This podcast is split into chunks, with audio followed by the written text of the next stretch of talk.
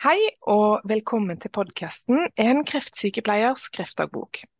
Jeg heter Veronica Lindholm, og jeg er både kreftsykepleier og kreftoverlever. Og I dagens episode så skal vi snakke med Jan Karlseng, som er forfatter av boken 'Sjelen'. Velkommen, Jan. Takk, takk. Vil du eh, begynne med å introdusere deg selv litt først? Hvem er du? Ja, jeg er en mann på 69 år som har vært uh, lege og psykiater i mitt liv. Og bor i Drøbak og har familie og ja, bor her. Ja. Og så har jeg vært en, ja, kanskje en annerledes lege i mange år. Ja. For du har skrevet boken eh, 'Sjelen', og den eh, for de som vil se, kan se sånn ut. Vi får den på bildet her. Det var ikke så lett. Der. Um, og den, Når kom den ut uh, første, i første opplag? Den kom ut for to år siden. Ja. Og nå holder du en del foredrag rundt dette temaet, stemmer det? Ja da, jeg har holdt mange foredrag, så boken har blitt overraskende godt mottatt. Og, og har kommet ut til mange. I begynnelsen så kom den ut til, som jeg tenkte litt morsomt, han kom ut til intuitive kvinner i Nord-Norge. Og etter hvert så har den kommet ut til eh, mange. Nå i dag er han ute i over 4000 eksemplarer. og det og det er ganske mye. Så det viser jo at det er en interesse rundt dette området. Ja, det er stor interesse faktisk. Mm. Sakte, men sikkert så, så, har den da kommet ut til at fagfolk som psykologer og psykiatere og medisinske professorer og har også sagt at dette er et veldig viktig tema. Så, så den har kommet ut veldig bredt til mange. da. Nå begynte du å si at den, den har kommet ut uh, først bare til, uh, til kvinner i Nord-Norge. Er det mest kvinner som, uh, som er, viser interesse rundt dette? Ja, absolutt. absolutt. Ja. Jeg tror nok kvinner har mer mer tilgjengelighet til intuisjonen og dypere lag, tenker jeg da. For om menn har mer tilgang til intellektuelle måling og veiing og ingeniørtakt i seg. og Derfor så blir det ofte kvinner som tar dette umiddelbart. Mm. Det er akkurat min erfaring òg. Eh, også i forhold til For jeg jobber jo med, mye med følelser og det er egentlig kun kvinner som kommer til meg òg. Og det syns jeg egentlig er litt synd, fordi menn har jo også følelser og har jo også en sjel. Og um, jeg syns det er litt synd at det er så tydelige kvinner som tar kontakt kontra menn. Men jeg tror at det er helt naturlig òg. Ja da, det er, det er uh, mer kvinner som naturlig har det, men det er veldig synd som du sier at uh, ikke menn tar tak i det. Men jeg har opplevd at uh, jeg holdt foredrag på et Rotary-møte for uh, noen dager siden. og Der satt det 15 menn som, hvorav 13-14 var veldig interessert i temaet og hadde invitert meg inn igjen på nytt for å snakke om, om dette. Veldig flott. da. Jeg ja. opplever jo at den tiden vi er i nå, også åpner mer opp for dette med sjel. Um, og, det, og det bringer meg litt inn på temaet. Hva er egentlig sjel? Ja, det var, eh, sjel er jo et ord som jeg aldri hadde hørt om i min utdannelse både til lege og psykiater. Det er jo et ord som på en måte er strøket i Vesten for en, kanskje en 70-80-90 år siden. Så ordet sjel er på en måte noe helt naturlig. Det er, for å si det enkelt, det er en bevissthetstilstand vi kommer inn i, og vi er i ofte. Vi er, er i den om natten, ikke i den drømmeløse søvnen. Altså når vi ikke drømmer, så, så siger vi inn i, i, sjelen uten at vi greier å beskrive det. Og når vi er ute i naturen, så, så siger vi også inn i små, korte glimt i sjelen. I høydepunktopplevelser vi har ute i naturen, eller i kunstopplevelser. Så det er, er altså en dypere bevissthetstilstand en mm. til tilstedeværelse som du kommer inn i.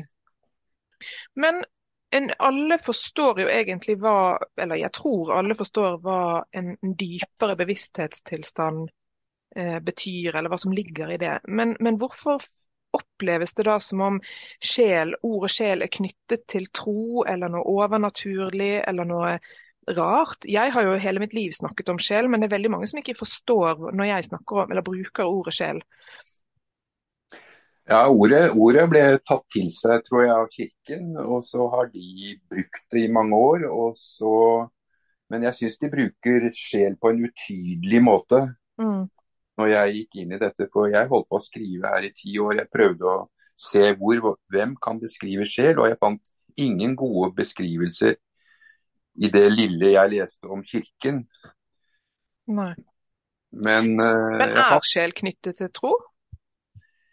Nei, det, altså min, min, tanke var først og fremst å ikke knytte det til tro eller til, til, kirken eller til New Age. Jeg tenkte at jeg skulle prøve å gjøre det såkalt verdinøytralt. Det går jo aldri an å gjøre det helt verdinøytralt, men, men det er for meg ikke knyttet til tro. Men jeg har full respekt for at troende knytter det til tro, for å si det på en annen måte. Ja. Mm, mm. Men det vil si at sjel egentlig også kan forstås selv om man er ateist, eller så kan man ja. allikevel få en forståelse av hva sjel er? Absolutt, absolutt. Og det er hele poenget med, med det jeg prøvde å skrive. At alle kan forstå det. Alle kommer borti det, og alle kommer nær det før eller senere i livet. Mm. Jeg opplever jo at det er noe, selv om vi kanskje ikke skal knytte det til tro, så er det jo noe mystisk over det. Og, og for meg personlig så, så, opplever ikke jeg at det er noe mystisk, men mange opplever at det er noe mystisk. Og så lurer jeg litt på, er det fordi at samfunnet har blitt så ytre rettet, altså så egosentrert på mange måter, at, at sjel har blitt et begrep som er visket ut av bevisstheten vår òg, ikke bare ordforrådet, men, men at vi vi har fjernet oss så mye fra det indre at, at vi ikke forstår um, begrepet ja, heller. Ja, det er helt riktig. Det er fordi vi lever i et individualistisk, eh, mekanisk, logisk samfunn. Og dette samfunnet har på en måte hatt visse eh, førende elementer i seg, og, og, det er å undertrykke dypere lag av mennesker, tenker jeg. Mm. Så det er logikere, og maktmennesker, som på en måte har dyttet dette bort fra skoler og universitet. Og det skjedde, jo, det skjedde jo Jeg prøvde å gå tilbake historisk, så har man selvfølgelig brent kvinner på bålet og menn på bålet i en lang periode fra 1200- til 1600-tallet. Fordi de var opptatt av sjelen eller intuisjonen sin. Og så mm. har vi en periode der vi hadde Descartes som sa at du er dine tanker, og det er jo også helt feil. Vi har tanker, vi er ikke våre tanker. Mm. Og så skjedde det også mye i Norge rundt uh, 1940-1950-tallet. For professoren i psykologi den gangen, Schjelderup, han ville gjerne snakke om sjel. Men det var sterke krefter på universitetene i Norge som sa vi vil ikke ha noe med dette svermeriske sjel å, å gjøre. Mm. De vil ha det bort. Og slik har det blitt borte da, helt til det nå sakte siger inn igjen. Inn ja, for igjen. jeg opplever at det kommer inn igjen. Ja, jeg har til og med hatt universitetsprofessorer som sier til meg at skal, vi skal prøve å få deg inn på universitetet, men det går sakte for, for seg. For det er så mange logikere der som kan uh, gå mot meg hvis jeg mm. tar det for fort. Vi brenner jo ikke hekser på bålet lenger, men man kan jo bli brent i gåseøyne ved at man eh, blir hengt ut og stemplet og latterliggjort i, i dagens samfunn. Så, så, det er jo en, en sperre for mange som, som, ønsker å snakke om dette. Jeg vet ikke om du kjenner på en sånn sperre? Ja, ja, ja. Jeg har ikke sperren i dag, på en måte, men jeg, jeg var jo veldig usikker når jeg ga ut boken. og Det var mange som ikke ville ha noe med den å gjøre i begynnelsen. og. Og det var mange som så rart på meg, men etter hvert nå så har jeg sett at det er veldig mange som har henvendt seg av fagfolk og for at de mener at dette er helt naturlig menneskelig. Det er veldig viktig å, mm. å, å ta opp og, og, få inn igjen i, i opplæringen i, i, ute i verden. Så er det slik mm. at 80-90% av verdens land så er dette en del av barnelærdommen i India, Kina, Japan. Mm. dette er en del av barnelærdommen. Og det opplevde jeg på dette møtet i Rotary. Altså at det var en mann der som sa nei, jeg har en kinesisk dame jeg kjenner. For henne er dette helt naturlig. Hun har alltid hørt dette her. Selvfølgelig kan kinesere og indiere begrave seg i en materiell tankebane, men allikevel ligger dette i grunnlærdommen deres. Mm. Og det, det, har nok også ligget i min grunnlærdom fra jeg var barn, men jeg tror ikke det gjør det for, eh, for de fleste i Vesten i hvert fall. Nei, det gjør ikke det, for det snakkes ikke om på skoler. og, og, og det blir, ikke sant, Hvis jeg går skrur tiden 30 år tilbake, så ville man blitt latterliggjort mye mer enn i dag. For det har skjedd en mm. ganske stor utvikling i dag, tenker jeg da. Eh, på sykepleiestudiet, og kanskje spesielt på kreftsykepleiestudiet, så har vi et fag som heter åndelig og eksistensiell eh, omsorg. Men min erfaring som sykepleier er jo at det egentlig bare blir tatt frem når, når man snakker om at pasientene nærmer seg slutten på livet. Og det opplever jeg som eh, litt frustrerende, fordi det, det, er egentlig for sent når man står med en fot i graven og, og da begynner, det er min opplevelse, da. At det da er litt for sent. At vi burde åpne opp for å snakke om dette, nettopp som du sier, fra barna er små. Ja. Um, og vi har jo også en veldig sånn angst for døden i vårt samfunn. Hva tenker du rundt det? Jo, det henger sammen, tenker jeg. fordi at mm. vi, vi, læres opp til mer overflate, overflatetenkning. Mm. Vi ikke tar med sjelen og intuisjonen og dypere intelligens i i, i opplæringen vår. Vi, vi, er veldig opptatt av å måle og veie og være god til å pugge. Men vi, denne andre dybden, det som ligger dypest ned i trakten, har vi ikke med. Og da blir vi mer usikre. Da blir vi enda mer usikre, og da får vi større ego som tenker først på seg selv.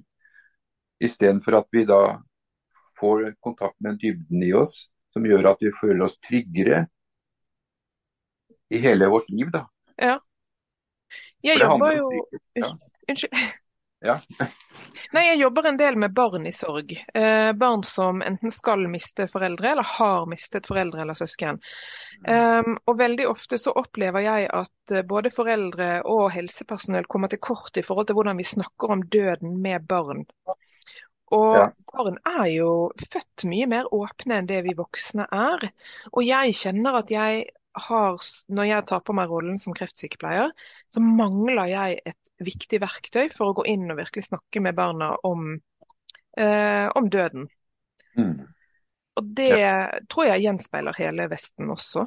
At vi har ikke noe begrep om hva døden egentlig er. Nei, Døden er noe fryktelig og vanskelig, og i og med at vi er blitt oppdratt slik, slik at vi blir mer og mer usikre, blir mer og mer redd for, for å dø. Og mm. blir også redd for å leve fordi du er redd for å dø.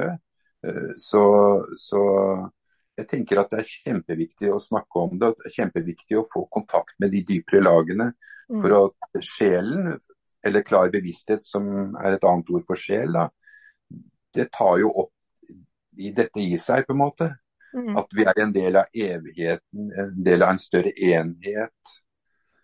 Og det gjør noe, gjør noe med mennesker å tenke seg og anerkjenne det. At du føler deg mer forankret, du har mer styrke. Du har, eh, kan se klarere og uten så mye frykt på, på liv og død. Mm. Uh, og da må jeg bore litt i det. Hva har egentlig sjel med død å gjøre da? Um, fordi det, der, der, er det en link som mange heller ikke forstår. Ja. Hvorfor blander vi døden og sjelen sammen? Nei, fordi fordi jeg tenker at, at, denne bevisstheten, denne klare bevisstheten som er sjelen, den, den sier alle vise menn og kvinner overalt i verden, den lever videre. Det er jo et veldig radikalt standpunkt, men det er faktisk 80% av verdens befolkning mener at slik er det. Og de, de vise sier at Og derfor så har jo da har jo sjel med død å gjøre. Mm på en måte at når du ligger der og, og, du er ensom og du skal dø eller du har fått en alvorlig lidelse, så, så, så hjelper det jo ikke med egoet ditt og logikken din lenger. Du kommer inn i en tilstand der du frykter døden. Og hvis du da har en slags forankring i, i dette, i en forståelse, en sjelelig forståelse, så, så vil dette føles mye lettere. å, å være deg. Det syns jeg var utrolig fint sagt. Tusen takk. For jeg, jeg mener jo at, at, sånn som du får beskrive det nå, det er sånn jeg opplever det selv. Men jeg opplever også at det er vanskelig, at jeg kommer til kort som sykepleier. og Spesielt når jeg skal skille disse to verdenene helt ad. For det er det som er, eh, ligger litt Det er en forventning om at fag er fag, og personlig tro er noe annet. Mm. Men jeg ønsker jo veldig gjerne å forene disse to. Har du i ditt virke som lege og psykiater, har du greid å forene disse to verdenene, i gåseøyne, hvis jeg kan bruke et sånt uttrykk? Nei, jeg har på en måte nesten ikke fått tid til å gjøre det, fordi at jeg jeg holdt jo på med den boken så lenge, og så måtte jeg på en måte gå så mange runder med meg selv. Og så når jeg var ferdig med boken, så var jeg nesten ferdig med yrkeslivet mitt, i hvert fall å jobbe med folk. da. Mm.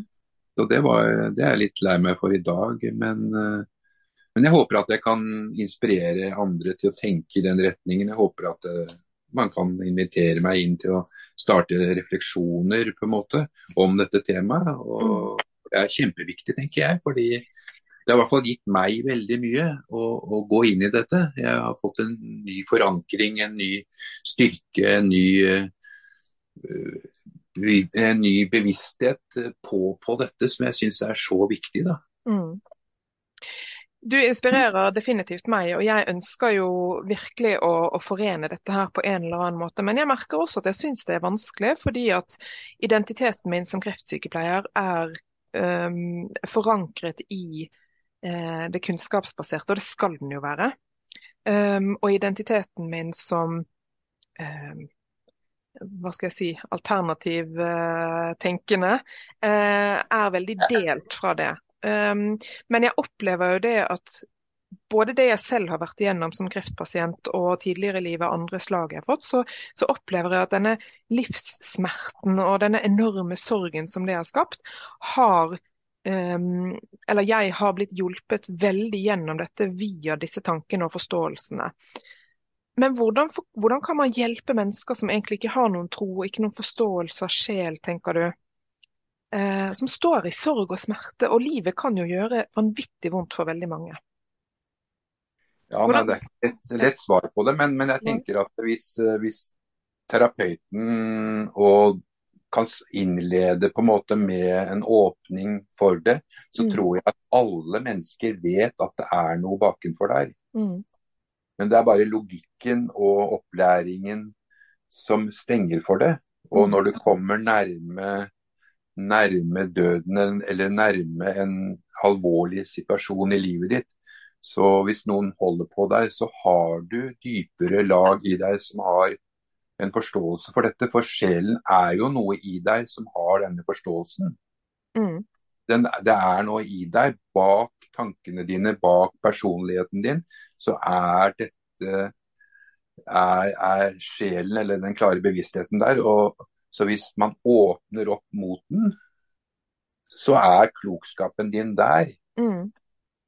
Altså, det er viktig å prøve, eh, prøve å skille mellom personlighet, det er det ytre delen av deg. Den personligheten din er ustabil og endrer seg hele mm. tiden.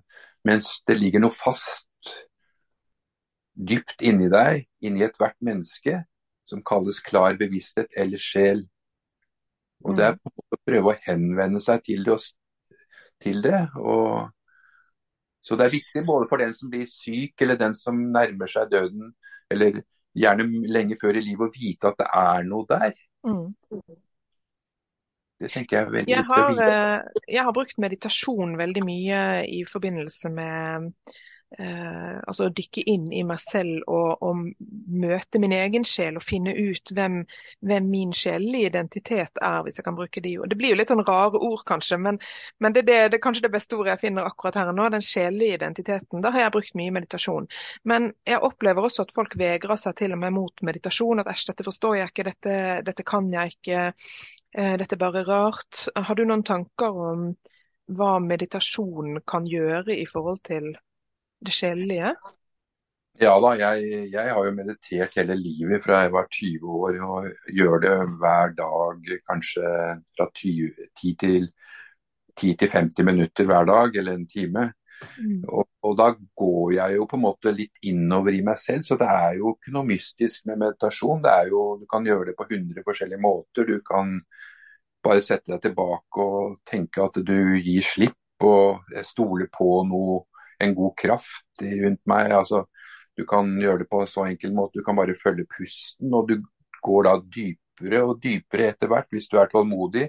I begynnelsen så skurrer det med masse tanker i hodet, og så slipper det kanskje etter hvert. Og så, og så, og så åpner det opp for dypere lag i deg.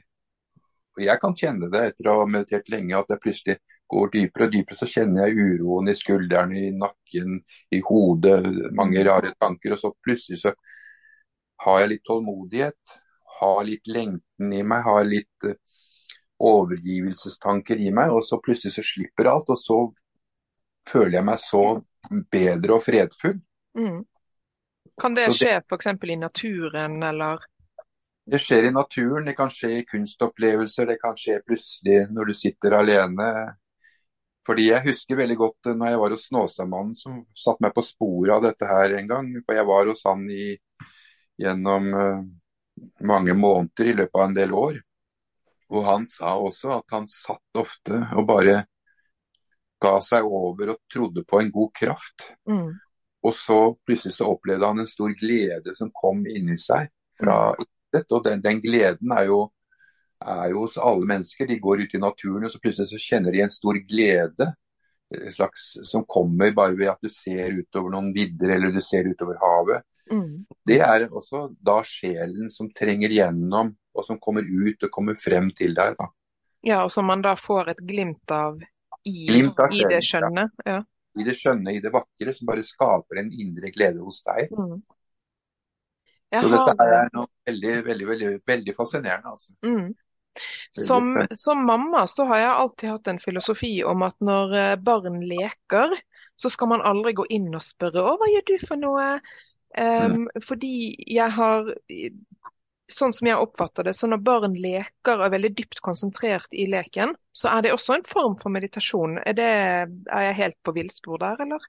Ja, Det tror jeg er helt riktig. Barn er helt åpne, og de er ofte i sjelelig kontakt eller i bevissthet på, som ligner, er nærheten av sjelen. Barn er, er der hele tiden, helt til de opereres inspireres inn i samfunnet etter hvert. Og, så barn er absolutt uh, de vi kan lære av å være i denne lekenheten og enkelheten og dybden på en måte i seg selv. da. Mm. Så, så. Jeg tenker jo at det også derfor er veldig skadelig når små barn sitter foran skjermer i timevis om gangen. Og det gjør jo flere og flere barn nå. og Det gjør vi voksne. Altså, jeg er ikke noe bedre selv, jeg sitter jo foran skjerm jeg òg. Og det hemmer vel kanskje den kontakten, eller muligheten for kontakt med det sjelelige, da? Det gjør det helt sikkert. Helt, mm. helt garantert. At det, det som gjør at vi også ikke får kontakt med det, eller mange ikke får kontakt med noe mer sjelelig eller dypere lag i seg, er at det er altfor mye stimulering på øyne og syn og sanser, og altfor mye uro som skapes i, i, i hodet, i tankene våre. Mm. Det er det. Ja, Så det er det. Vi må få balanse. Det er balanse, og det er det det handler om, på en måte. Ja, absolutt.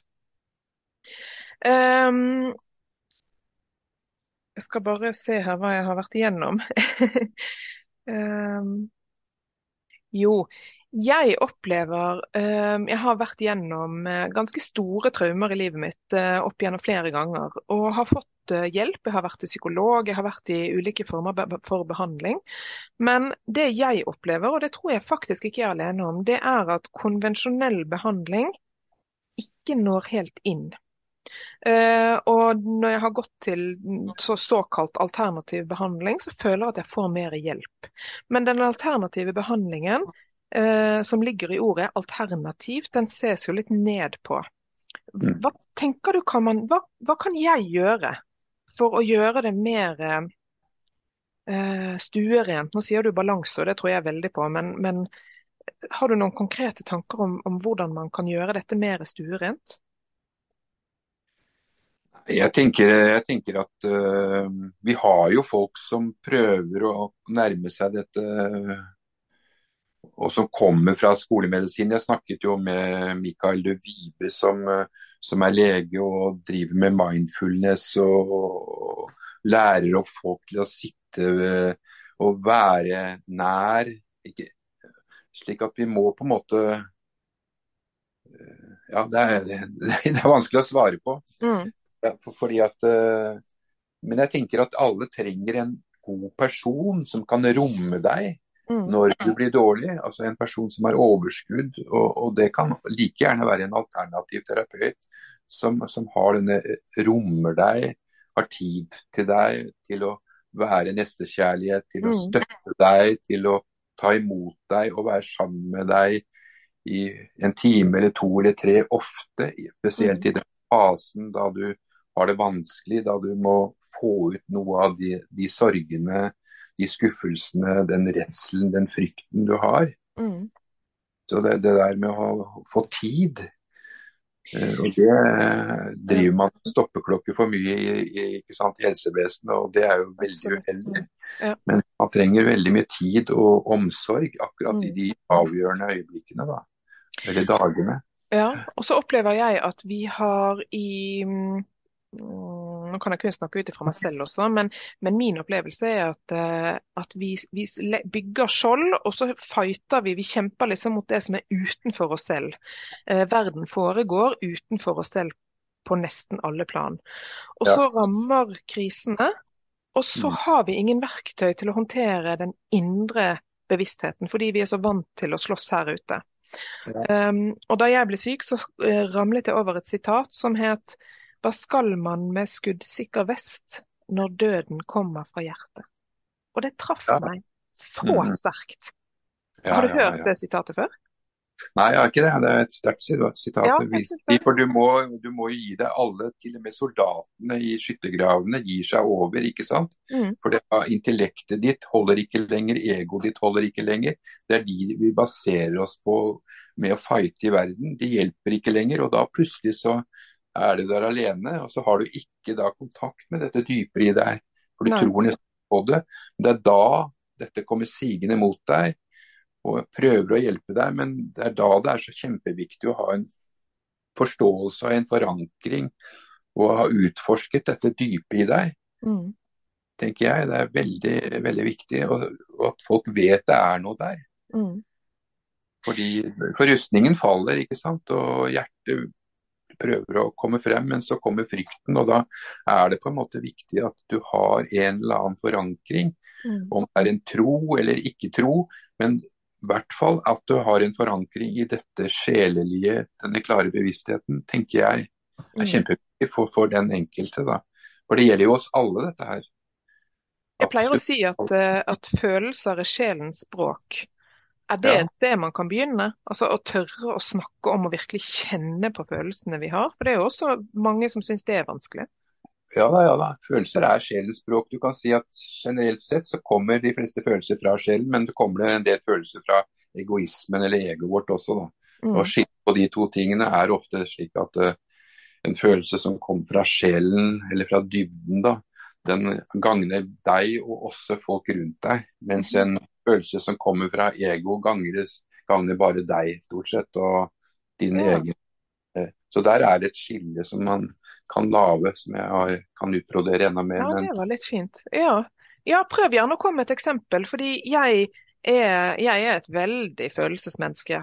Um, men jeg kan ikke si at uh, jeg, Sånn på stående fot kan ikke jeg si hvilke følelser som da i meg kommer fra sjelen, og hva som kommer fra egoet. Nei, det er, eh, jeg har ikke helt eh, altså, Det er fire-fem kriterier, jeg har ikke det helt foran meg akkurat Nei. nå. Men, men, men, de er i hvert fall ting som vi naturlig kan tenke. At den følelsen som kommer fra sjelen, den gagner deg over tid. Mm. Den gagner andre. Den har en kjærlighetsaspekt i seg. Altså, vi kan tolke det, finne det ut selv nesten, mm. hvis vi bare bruker litt tid på det. Mm. Men en egofølelse, den, den, er jo basert på å ha og ville ha og sammenligne seg og alle disse tingene som gjør oss mer urolig. Mm. Vi blir urolige av de følelsene. Vi blir urolige av vårt ego. For vårt ego er alene og skal kjempe mot verden. Mm. Jeg syns du sier det veldig, veldig fint. Det må jeg bare si. Um, og så sitter jeg og tenker på én ting som har opptatt meg veldig etter at jeg selv ble syk, som jeg egentlig ikke tenkte så mye over før jeg ble syk. Det er denne følelsen skam. Mm. Um, og jeg opplever at jeg skammet meg veldig i min egen syk sykdomsprosess. Og så går det opp for meg at vi skammer oss enormt mye i ja. samfunnet generelt. Ja. Og når du sitter og beskriver nå, så tenker jeg ja, men dette må jo være en egofølelse. Fordi eh, den gir jo en uro i meg når jeg skammer meg over forskjellige ting. Ja. Ja, altså det er jo på en måte ikke sant, Det som dominerer i Vesten, er individualismen. ikke sant, mm. Intellektet og skal være flink og flink og flink. og Hvis ikke du lever opp til det, og du går eh, under dine oppfatninger som du har dannet deg i personligheten, så, så begynner du å skamme deg og føle skyldfølelse og skam. ikke sant, Det er jo en hersketeknikk som på en måte har blitt innført i, i det norske samfunnet og mange samfunn.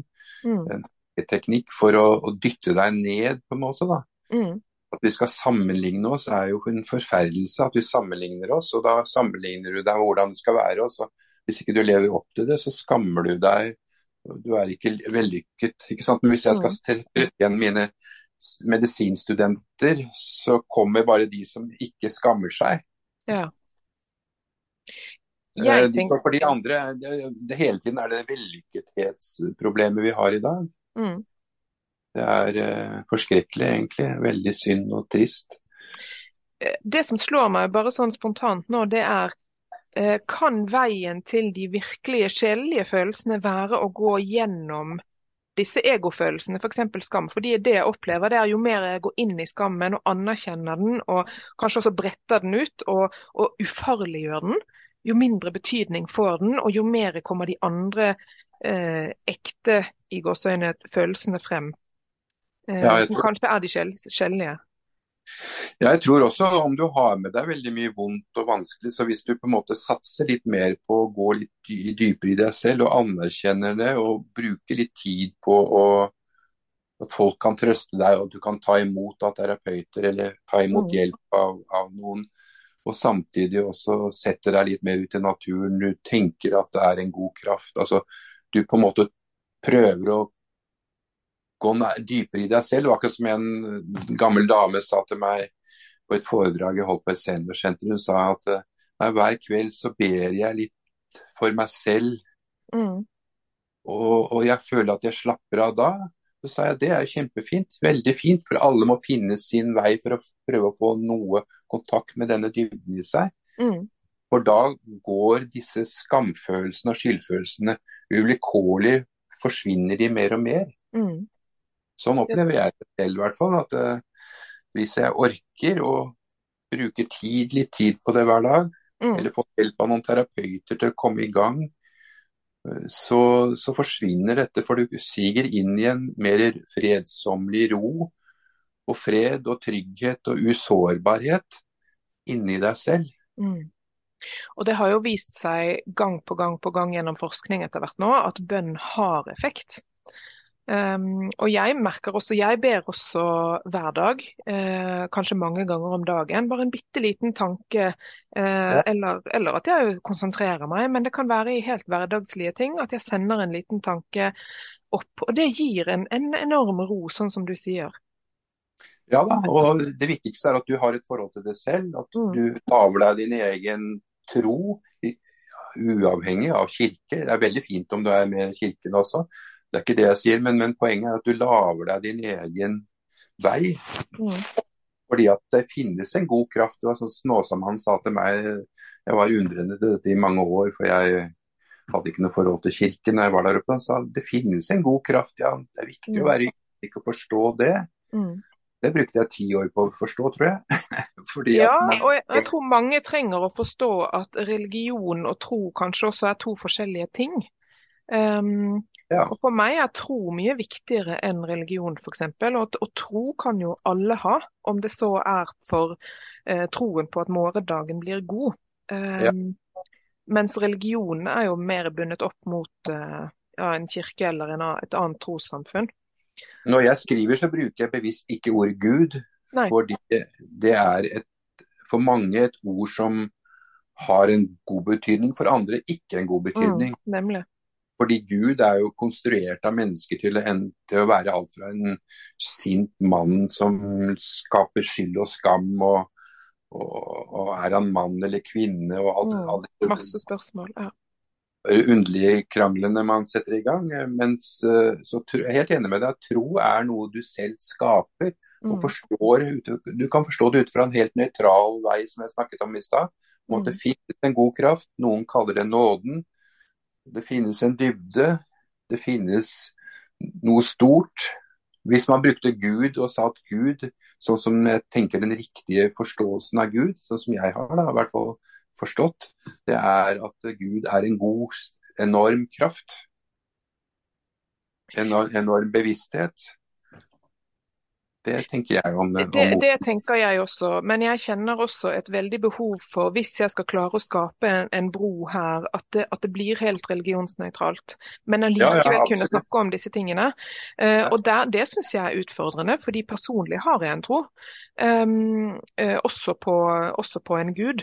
Men, mm. men det er ikke den Jeg ønsker ikke å være en misjonær. Jeg ønsker ikke å pådytte andre min religiøse tro. Jeg ønsker å gi mennesker redskaper til å håndtere den smerten de står i. Helt enig med deg. Jeg, jeg, min misjon, som jeg har sagt flere ganger, er ikke å pådytte noe som helst religion, men at dette er noe universelt. Dette er noe som menneskene alltid har vært opptatt av. Mm. Av oss, denne bevisstheten, denne sjelen, som er noe som er dypt i oss alle som ikke handler om kirke, ikke handler om New Age. Det handler om noe som vi alle har i oss. Mm. Mm. Uh, og jeg tror, jeg tror, Vesten lider enormt under å ikke ha den bevisstheten så sterkt som kanskje mange andre deler i verden har. Helt, helt enig. Helt for jeg tror vi får mye mer sykdom i dag pga. at folk føler seg, føler seg alene, ensomme, i kamp mot mm. et eller annet og ikke har den kontakten med dybden. Det, det, betyr mm. veldig mye for folkehelsen å få en dypere kontakt og en dypere forankring mm. til dette spørsmålet, tenker jeg da. Men det er utfordrende, det er veldig utfordrende.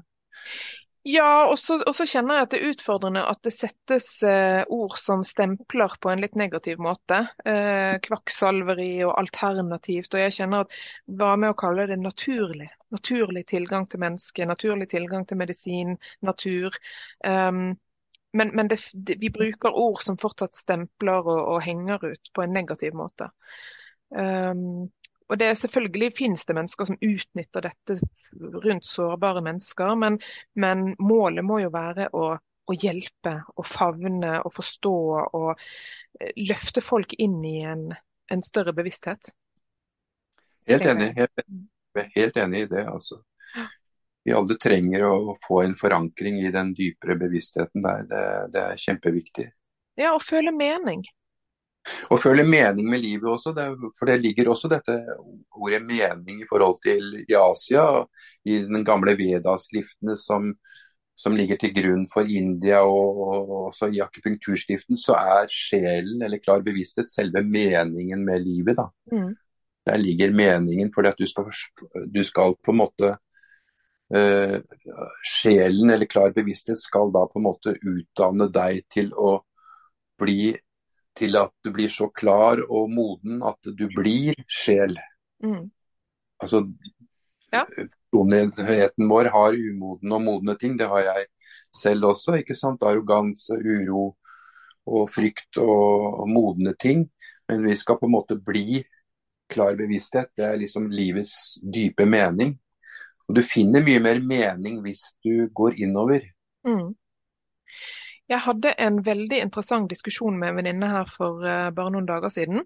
Hvor vi diskuterte um, dette med når man blir alvorlig syk, og kanskje mister hele den ytre identiteten man kanskje har brukt et halvt liv på å skape. Uh, og For å bruke meg selv som eksempel, altså at jeg har mistet arbeidet mitt fordi jeg har så mye senskader etter kreftbehandlingen. Jeg har mistet den rollen jeg hadde som mor fordi at jeg ikke klarer å gjennomføre det på samme måte som før.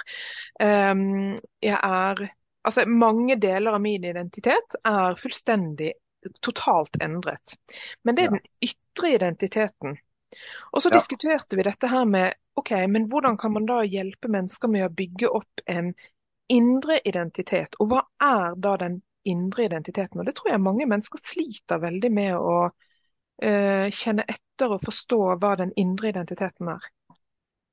Ja da, det er helt, helt enig. fordi at Vi bygger veldig mye på den ytre identiteten. ikke sant? Og, og, det, og, det, vil alle mennesker oppleve før eller senere. Du mister jobben, eller du blir pensjonist, eller du blir syk, eller du mister posisjon. Så faller hele korthuset sammen, og så mm. står mm. du der alene mm. og, og, og, har mye frykt. Og du er usikker på deg selv, for du har bygget så mye rundt på det ytre, mens du har ikke vært mye i kontakt med det indre, som er din store styrke. Mm. Og det og som gir mening, ikke sant? Ja, det som gir mening. ja, og Derfor er det så viktig, som du sa i stad, at man skal komme i nærheten av dette før man blir syk. Mm. Før, helst, helst før man blir syk. Helst før man skal dø. Man skal prøve å komme i kontakt med dette og reflektere over dette og tenke over dette før. Mm. Og være sammen med andre og reflektere over det. Mm.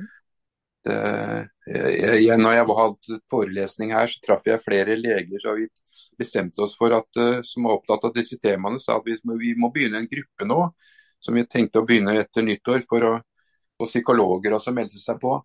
For å prøve å finne ord som vi kan enes om, og forståelser. For vi alle har denne lengselen etter å forstå vårt indre. Mm. Det tror jeg òg. Dette er, eh, dette er, en så spennende samtale, og jeg er sikker på at vi kunne fortsatt i lang tid. Men jeg vet at du har det litt travelt, eh, så jeg tror vi skal begynne å runde av. Ehm, er det noe du vil si sånn på fallerepet før vi avslutter? Nei, jeg syns det var en fin samtale. Jeg, og, så dette kan man snakke mer om senere. Ja, det kan man. Det er uh, kjempeviktig at vi, vi, finner ord og vi finner mening og vi finner noe dypt i oss selv. og at Det er mm. kjempeviktig. Det er nettopp bare som en journalist sa til meg, dette er the missing link i Vesten. altså Det er det vi mangler. Helt enig. Helt enig. Og det er, hvis jeg skal snu det litt tilbake til uh, kreftomsorgen, som jeg brenner veldig for, så opplever jeg også at dette er the missing link i kreftomsorgen. Eller den, den følelsesmessige, sjelelige, åndelige omsorgen rundt kreft. Ja. Um, og at den har ringvirkninger også inn på den fysiske, medisinske omsorgen og behandlingen. Jeg er helt enig, helt enig i det. Mm. Eh, jeg vil bare reklamere for boken din, 'Sjelen'. Eh, jeg har eh, lest nesten hele, jeg har ikke kommet helt gjennom. Den er så fin, og jeg syns du setter så utrolig fint ord på, på, hva dette egentlig handler om. Så jeg vil si tusen hjertelig takk til deg, Jan, for at du ville være med i dag. Og så kan det hende vi kan fortsette samtalen en annen dag. Det kan vi gjøre. Takk, tusen hjertelig takk.